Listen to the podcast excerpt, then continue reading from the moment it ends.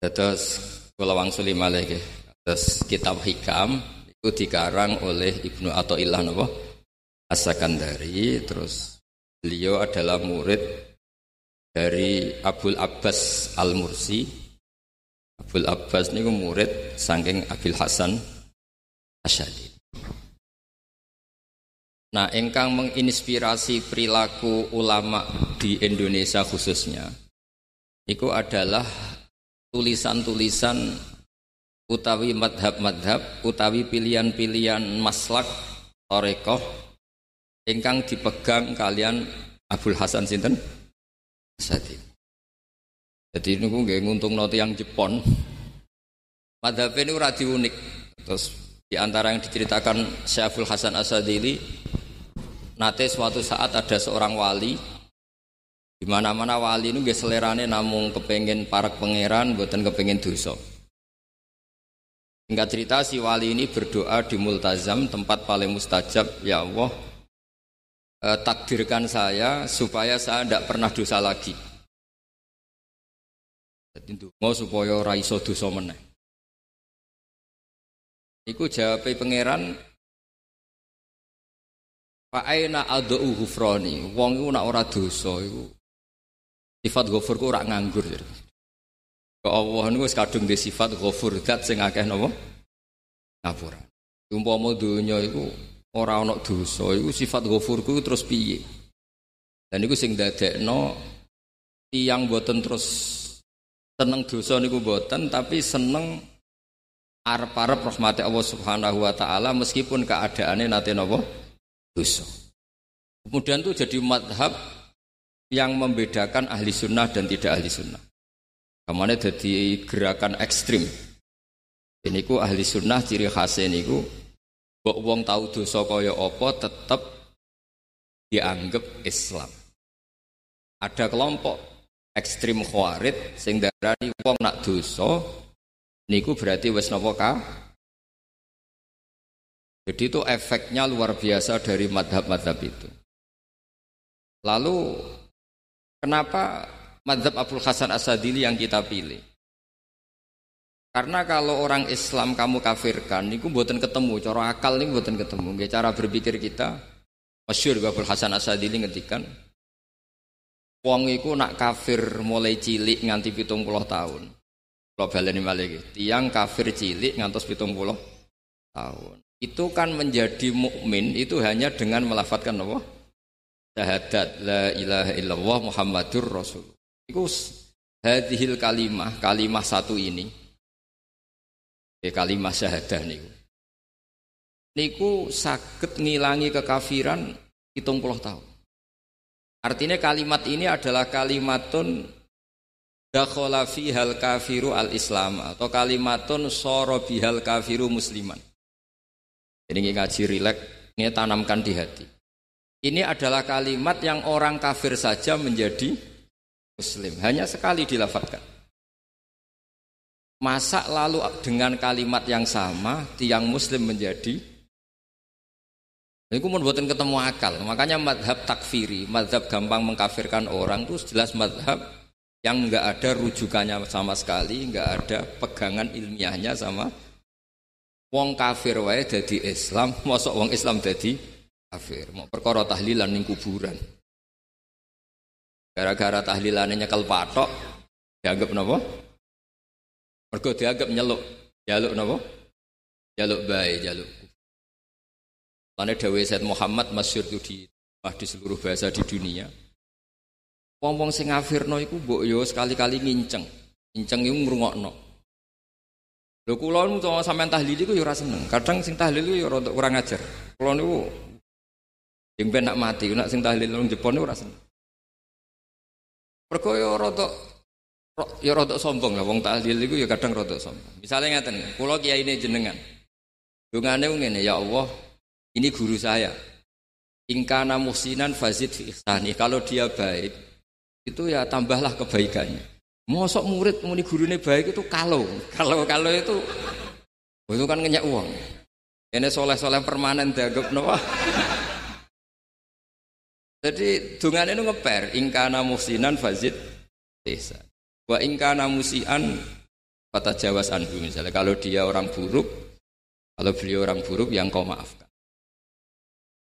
Maka orang-orang di luar sana yang mengatakan andekan tahlil itu baik pasti dilakukan sahabat. Itu logika yang keliru. Sahabat gak mungkin kan nahlili kanjeng nabi ngendikan ingkana musinan. Itu kafir ngoten gitu Wong Kanjeng Nabi kok api edi ngendikano ingkana ini kok kafir.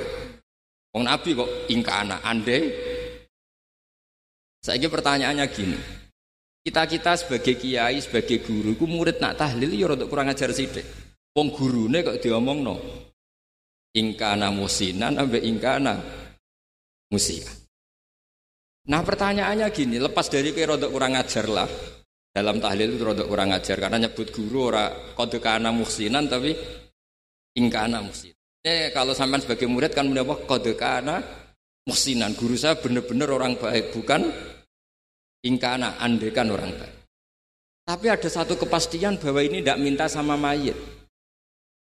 Jadi tujuan kalau kita minta mayat itu salah sama sekali. Wong kita datang ke kuburan malah memintakan ampunan untuk mayit. Kok iso darani jaluk iku piye? Ya mergo mau didelok kok adoh ketoke ngatong ya berarti jaluk. Lah ya wong fatwa kok berdasar inceng-incengan kok adoh niku.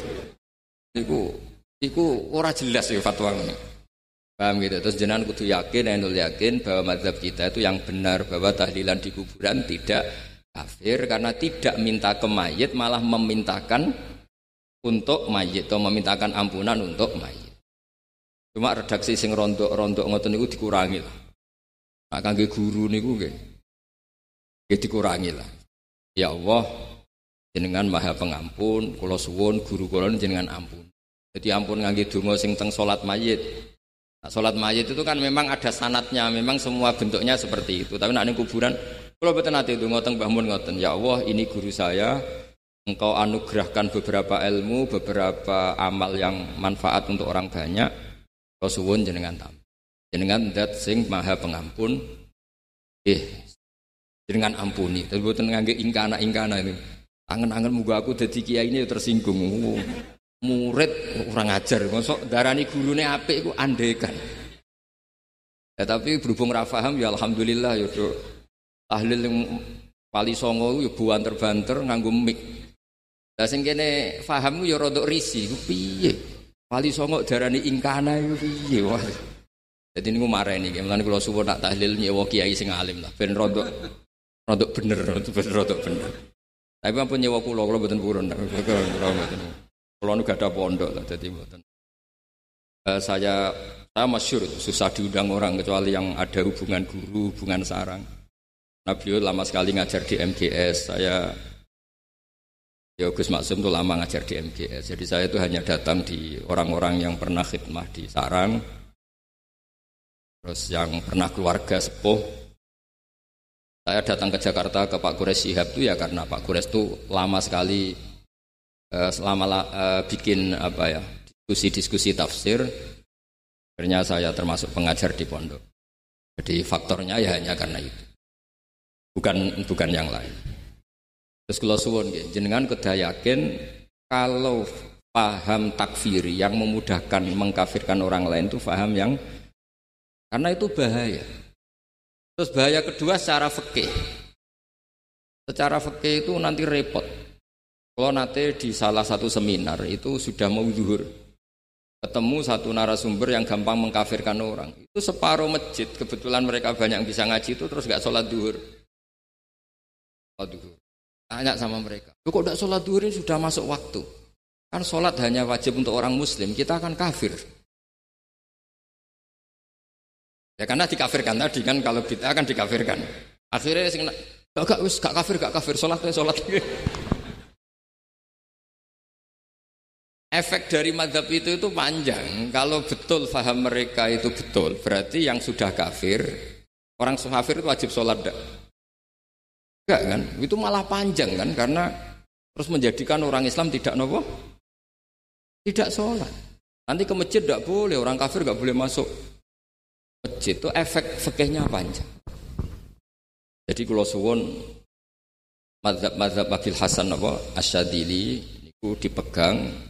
Nah, itu madhab beliau itu implementasinya di kitab hikam nih. Karena hikam itu putu murid yang paling bisa mengimplementasikan, menjelaskan cara pandang madzhab Abdul Hasan apa? Syadili sing dados torekoh?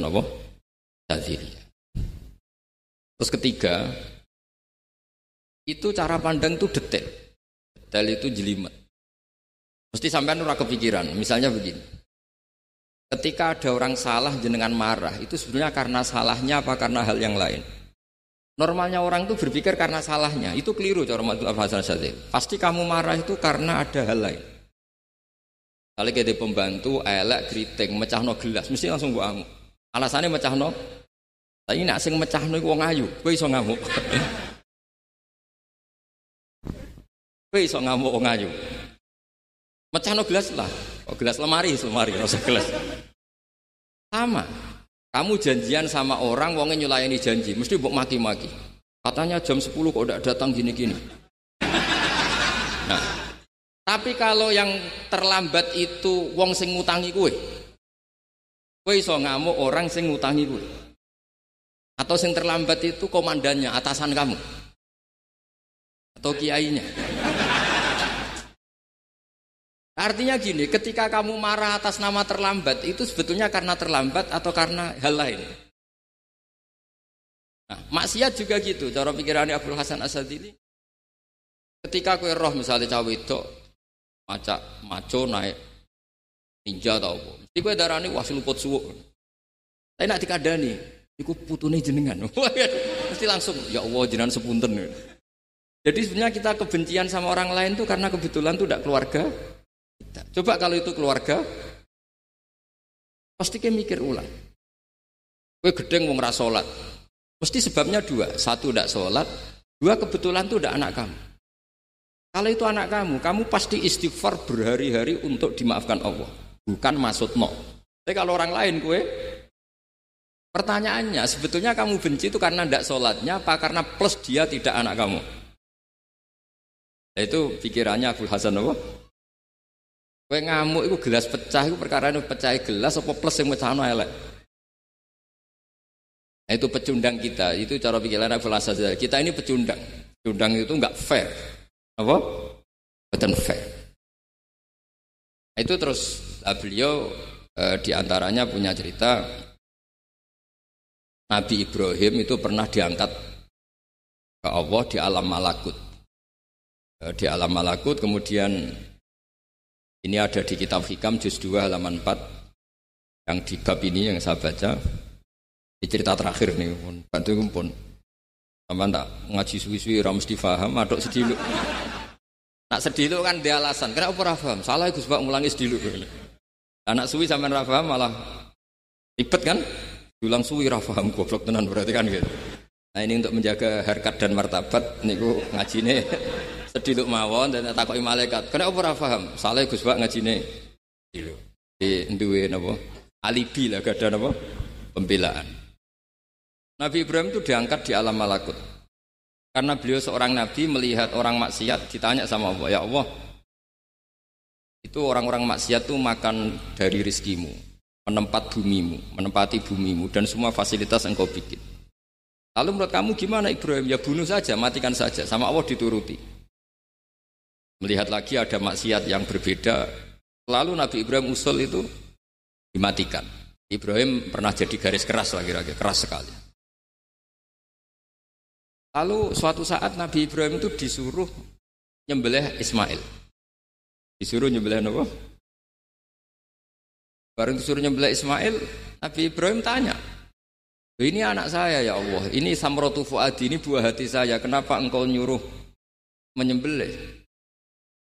Darah ngetikane pangeran, apa kamu tidak ingat ketika tak angkat di alam malakut beberapa hambaku kamu usul supaya tak bunuh. Cara Jawane, cara Jepone kuwi ora rasane dadi aku. Aku iku pangeran sing gawe aku enak wae usul-usul kon mateni jare. Saiki gentenan, saiki anak sebelah. Rumang sama udah di pangeran gak sayang mbek kaula.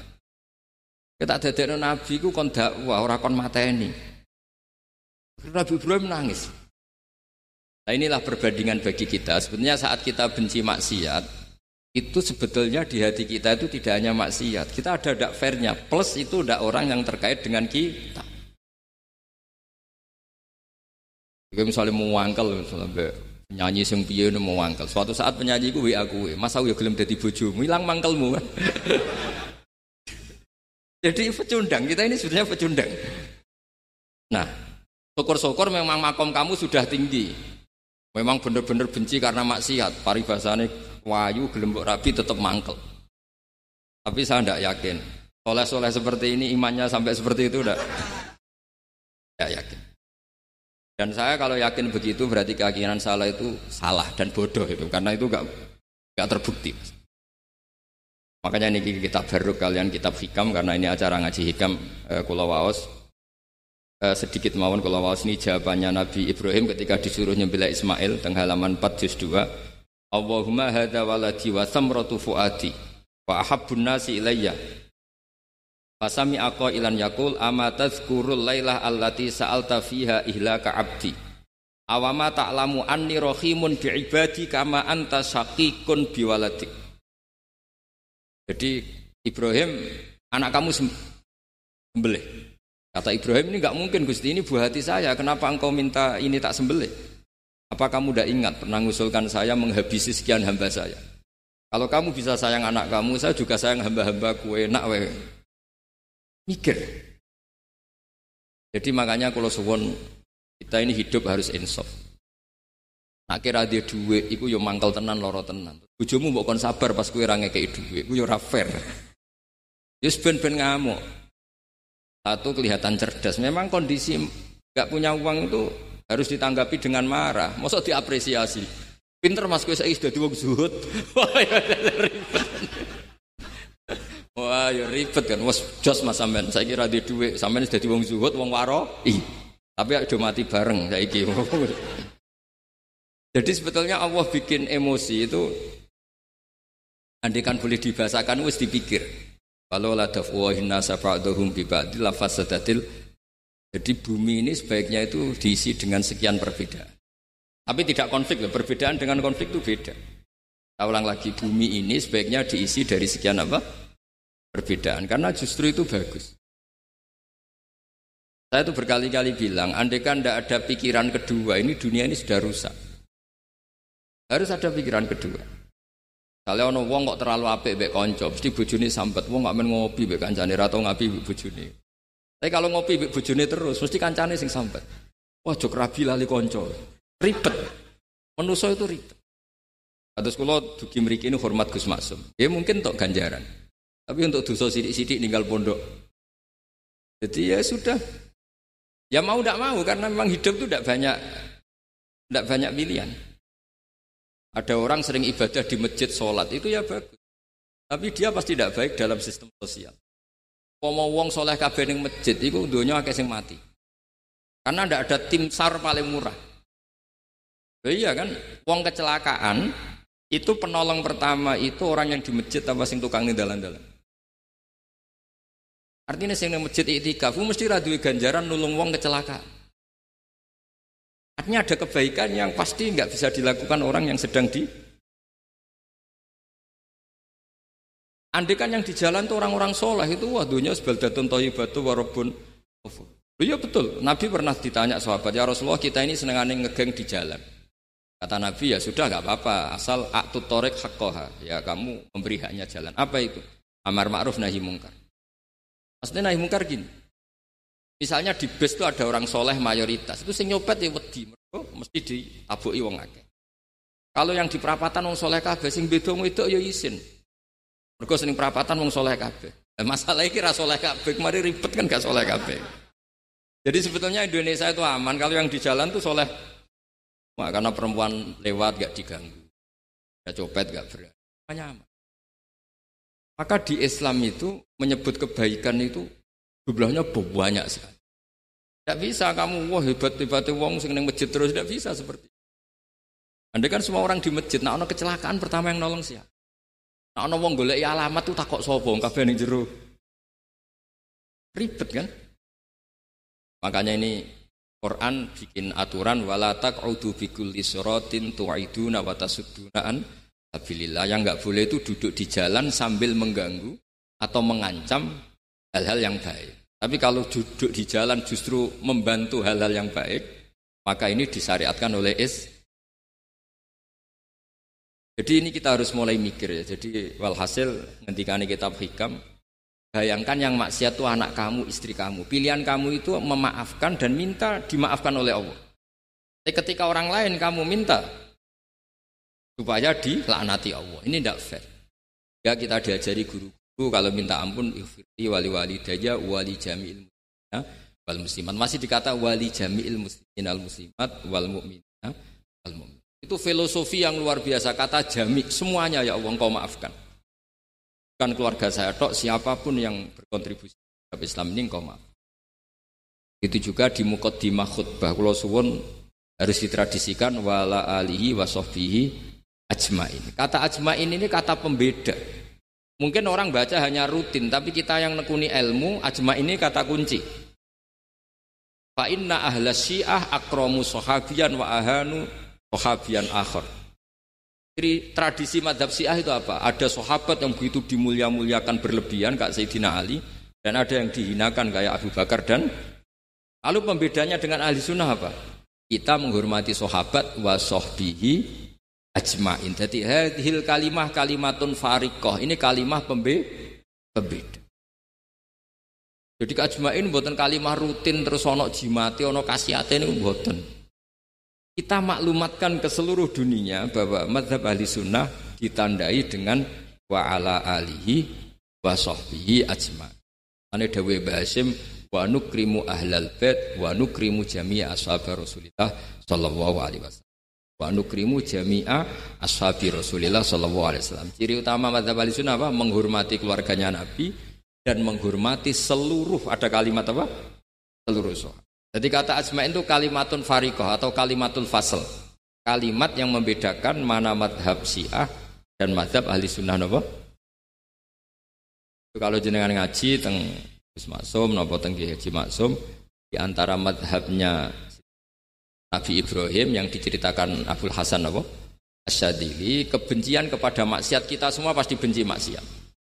Tapi gak fair kan yang satu kamu laknati, yang satu kamu doakan. Ujung-ujungnya apa? Ada unsur hadun nafsi. Kalau yang terki, terkait dengan jenengan buk no di sepuro, nah yang gak ada terkait buk no. Ini kan gak fair, padahal sama-sama. Sama-sama apa? Maksiat.